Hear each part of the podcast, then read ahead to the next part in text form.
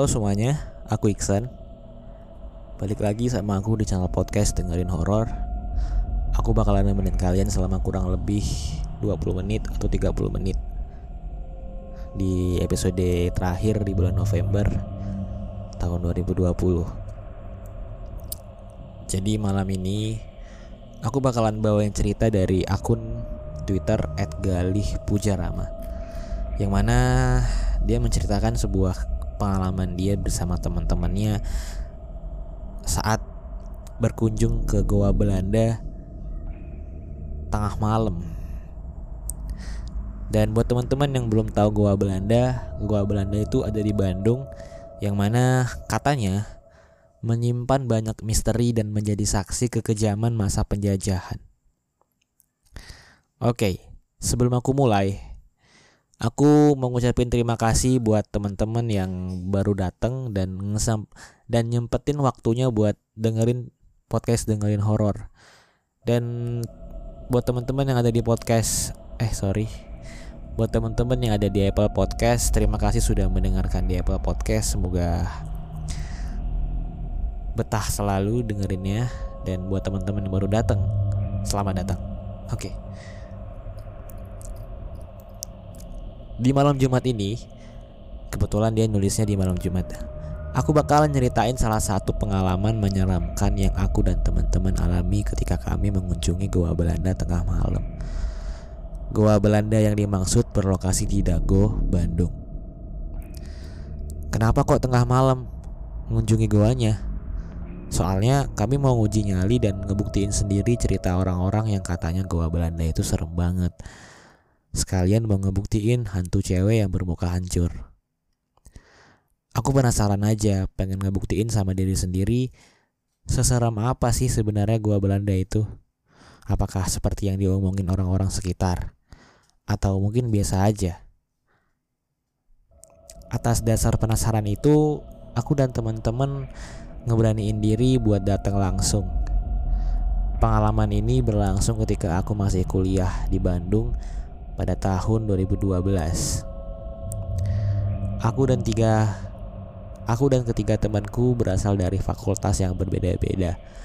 Hussein, Indra, Loli, dan aku. Aku dan Loli mempunyai kesamaan, yaitu sama-sama bingung. Dibilang indigo ya bukan, tapi iya juga. Jadi kami sama-sama bingung dan klop aja. Sementara Hussein dan Indra adalah anak gaul Bandung.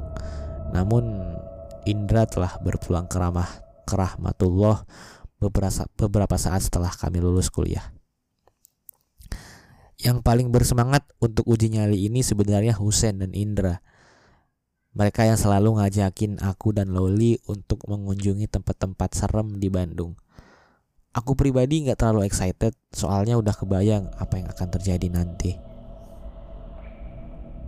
bisa dibayangin ya malam-malam uji nyali di Goa Belanda dan itu goa udah ada sejak zaman penjajahan Belanda yang mana dibangun pada tahun 1901.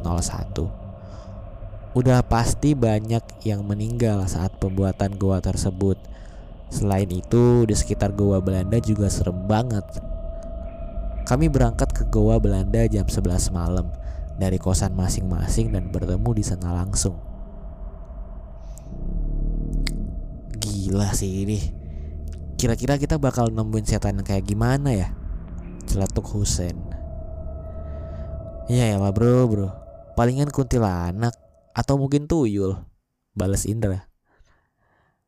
Begitu sampai di gua Belanda, aku udah ngerasa ada yang janggal. Bulu kuduk udah mulai berdiri. Soalnya auranya tuh emang beda. Beda banget kalau malam. Suara jangkrik dan suara binatang lainnya saling bersautan seakan menyambut kedatangan kami. Mau balik ke kosan udah sampai lokasi. Mau lanjut perasaan mulai gak enak. Dan itu dirasain juga sama Loli. Setelah membayar tiket dan koordinasi dengan penjaga di sana, akhirnya kami diperbolehkan masuk ke area Taman Hutan Lindung Dago yang mana Goa Belanda ada dalam hutan lindung itu. jarak dari pintu masuk sampai dengan gua jarak pintu masuk ke ke gua Belanda lumayan rada berjarak dan membutuhkan waktu sekitar 10 sampai 15 menit jalan kaki. Soalnya waktu itu dalam keadaan gelap, minim penerangan dan kami harus berhati-hati. Mana tahu kan tiba-tiba ada binatang yang lewat atau mungkin kuntilanak. Beberapa langkah mengarah ke Goa Belanda, kami udah disambut dengan barisan wanita. Tiga orang. Memakai baju putih, berambut panjang, dengan wangi khasnya yaitu bunga kantil. Dan serentak mengarahkan pandangannya ke arah kami dengan muka yang datar atau gak ada rupanya. Wajah ketiga wanita itu rusak semua. Darah menetes belatung, dan bau bangkai juga. Aku dan Loli langsung diam sejenak, saling menatap dan kita lemas selemas-lemesnya. Soalnya kita harus melewati tiga wanita itu. Sementara Husen dan Indra, mereka biasa aja. Gak ngeliat apa yang kami lihat. Mereka cuma nyium bau kantil. Bau bunga kantil Sen sen. Lu nyium wangi bunga kantil gak? Iya Dra. Gue lagi ngerasain nih. Sontak. Rasanya pengen aku teriaki kalau Woi di depan lu itu ada setan gak ada rupanya Wajahnya tuh hancur banget. Tapi aku dan Loli gak bilang ke Husen dan Indra Soalnya nanti bakal chaos dan kita ngindarin itu Berat banget rasanya ngelewati tiga wanita itu. Pandangan aku tetap lurus ke depan dan mencoba untuk fokus gak ngeliat ketiga cewek itu. Saat kami lewat, mereka serentak ngeliatin kita dan itu rasanya gak bisa aku sebutin. Untungnya mereka gak ngikutin dan tetap ngeliatin kita meskipun kita udah agak jauh. Itu sebenarnya bisa suatu pertanda yang diberikan bisa jadi kita emang dilarang melanjut ke goa dan bisa jadi itu semacam ungkapan selamat datang dari penghuni sana. Sepanjang perjalanan menuju goa, aku gak berani ngelihat kanan kiri, nunduk sepanjang perjalanan. Soalnya banyak banget makhluk-makhluk di sana yang merhatiin kita. Sesampainya di depan goa, aku tetap gak mau fokusin penglihatan aku ke arah goa. Soalnya energi di sana kuat banget dan banyak energi negatif di sekitar. Teman-teman, nyampe juga ya kita. Sepanjang perjalanan aman tuh, gak ada yang ganggu ya kan? Gak ada penampakan juga. Ini sih kita bisa mutah, kita bisa matahin persepsi orang-orang yang katanya angker. Dengar kata-katanya si Indra, rasanya aku pengen banget nyempuk dia. Husen sama Indra nggak tahu apa-apa yang aku lihat dan Loli lihat. Kata-kata mereka sompral juga. Aku takutnya nanti malah sesuatu terjadi sama mereka pas saat itu atau setelah pulang dari goa.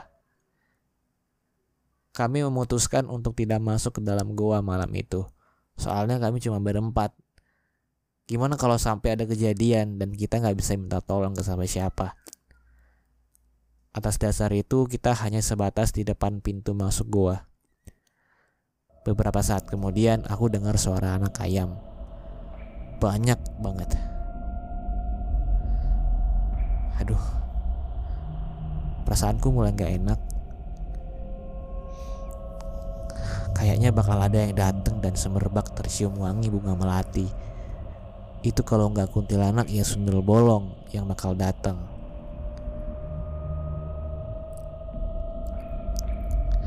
Kalau di tempat kalian misalkan tiba-tiba malam keran air nyala sendiri AC atau lampu mati sendiri dan ada yang ngetok pintu tapi nggak ada orang jangan panik. Itu mungkin penghuni lain di tempat itu yang ngasih tahu kalau kalian itu sebenarnya nggak sendirian.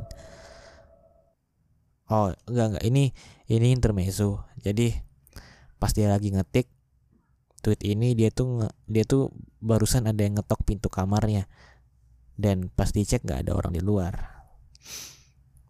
Dan dia bilang kalau misalnya tiba-tiba malam keran air nyala sendiri atau AC atau lampu mati sendiri dan ada yang ngetok pintu tapi nggak ada orang jangan panik. Itu mungkin penghuni lain di tempat itu yang ngasih tahu kalau kalian itu sebenarnya nggak sendirian. Oke okay, back to the story sesaat setelah mencium wangi bunga melati kemudian sekelebat bayangan muncul warna putih coba sekalian dicek seisi ruangan kalian oh fuck man lu ada-ada aja loh Si Husen paling tertarik sama hal-hal kayak gitu dan beneran nyari tahu sekeliling goa. Sementara di dalam goa aku dengar banyak banget suara orang minta tolong, suara orang nangis. Itu ganggu banget. Aku nggak tahu apa yang terjadi pas masa penjajahan di goa itu.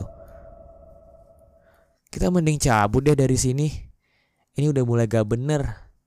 Si Loli juga udah ketakutan banget. Aku ngajak teman-teman untuk menyudahi uji nyali ini soalnya ini bakal nggak bener. Udah mulai banyak banget gangguan. Nggak lama dari itu, kami dengar suara teriakan si Husen. Lalu kami cek dan dia pingsan. Dan di depan kami ada sosok cewek memakai baju putih, rambut panjang dan mukanya hancur banget. Berdarah lalu ada belatungnya. Gila sih itu, kita panik banget di sana saat itu dari kita yang ada yang bisa teriak seakan oh dari kita nggak ada yang bisa teriak seakan mulut dikunci dan kita sama sekali nggak bisa lari ataupun berpindah tempat di situ aku nggak bisa nahan.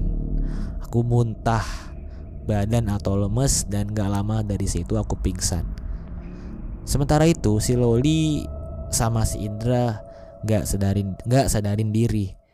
Entah kerasukan apa gimana tapi anehnya pas aku pingsan aku nggak tahu ini mimpi apa gimana. Aku ngeliat jelas di gua itu ada banyak banget orang yang yang disiksa di penjara dibunuh gak dikasih makan sampai mati kelaparan mungkin itu sebabnya di gua tersebut sering terdengar suara orang nangis atau minta tolong Husen orang yang pertama sadar duluan pas dia sadar dia ngeliat aku masih pingsan Loli dan Indra juga kerasukan.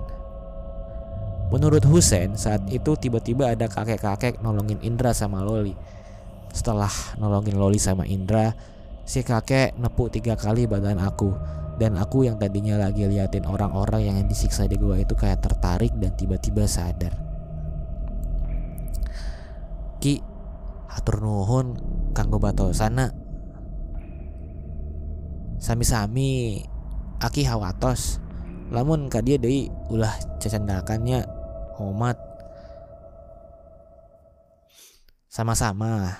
Kakek khawatir lain kali kalau ke sini lagi jangan bawa sesuatu. Inget ya jangan bawa sesuatu. Maksud si kakek itu apa? Aku sama sekali nggak paham waktu itu.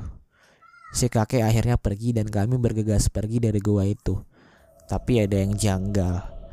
Siapa sebenarnya si kakek itu? Ngapain dia malam-malam ada di sekitar gua Belanda? Soalnya setauku kalau malam penjaga adanya di depan pintu masuk semua. Pintu masuk semua. Di depan pos masuk, aku menanyakan rumah si kakek yang nolongin kami tadi itu di mana.